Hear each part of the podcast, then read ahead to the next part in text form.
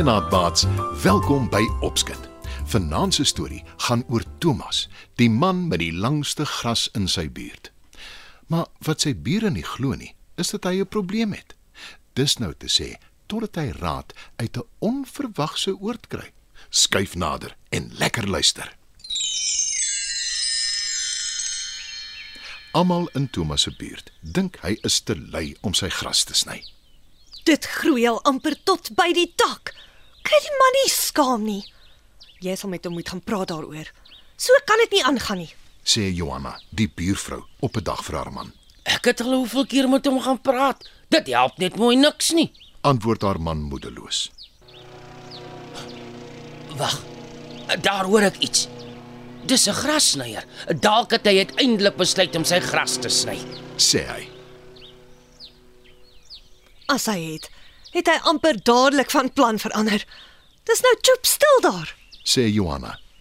Wat die bure nie weet nie, is dat Thomas baie graag sy gras wil sny. Maar hy begin skaars sny, dan hou die grasnyer op werk. Elke slag vat hy die grasnyer in om reggemaak te word en wanneer hy weer probeer gras sny, is dit dieselfde storie van vooraf. Hy koop naderhand 'n nuwe grasnyer, maar dit werk ook nie. Hy het al sy bure vertel van sy probleme, maar hulle glo hom nie.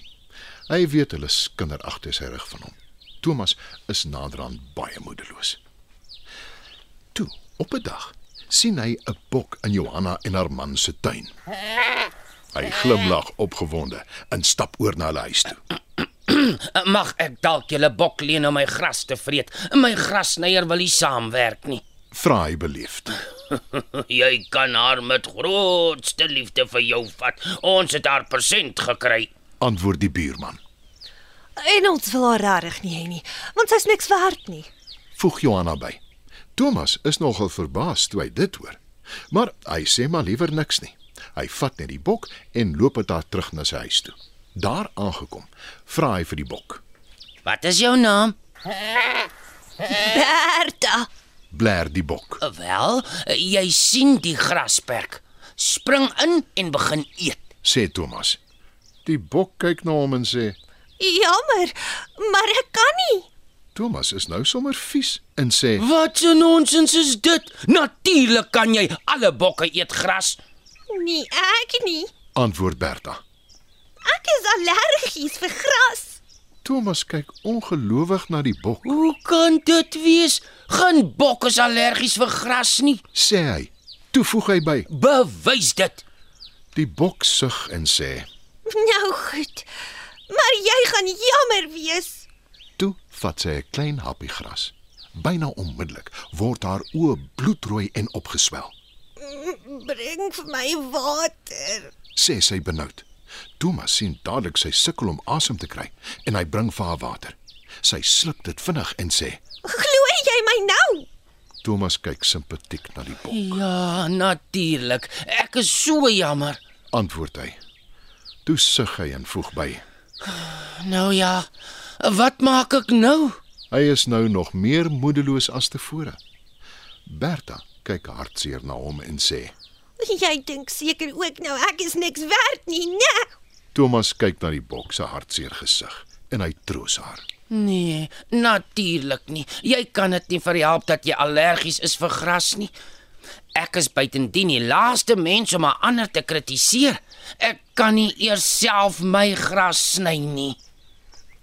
Dink dis omdat jy verkeerd te werk gaan. Sê Bertha. Thomas kyk vraend na haar en sy gaan voort. Wat jy nodig het, is 'n sekel. Kap eers die lang gras af daarmee. En as dit dan kort genoeg is, probeer weer met jou grasnyer. Hoekom het ek nooit daaraan gedink nie? sê Thomas opgewonde. En toe spring hy in en begin die lang gras met 'n sekel af te kap. Bertha hou hom dop en moedig hom aan. Na 'n hele ruk, toe al die gras netjies afgekap is, gaan sit hy langs die bok en sê: Dit lyk sommer al klaar baie beter.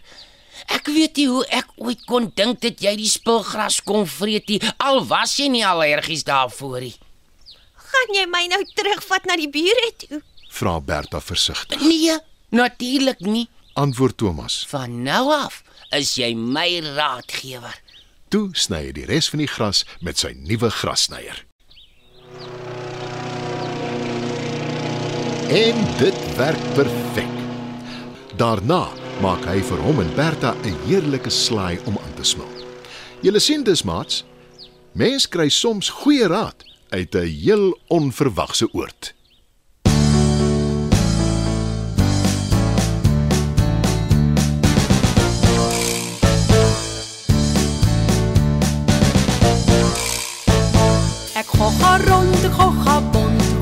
Deur die tuine. Ek chirp en kriek so rieketikketik, ek gogga oor die duine.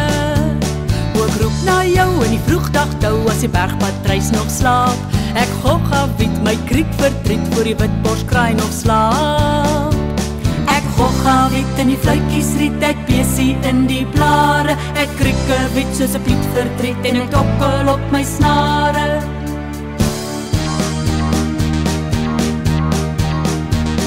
Ek soek na jou in die nagdou, ek gogga in die bome. Ek krieke wit in die fluitjies riet en ek kriek kriek in my drome. Ek verlang na jou waar die see sprei dou, ek gogga langs die water, waar die golwe druis en die branders bruis en ek los my lied verlate. Ja, gogga rond en ek gogga bont en gogga deur die bome. Ek kriek tik tik en ek chirp en kriek en ek gogga in jou drome.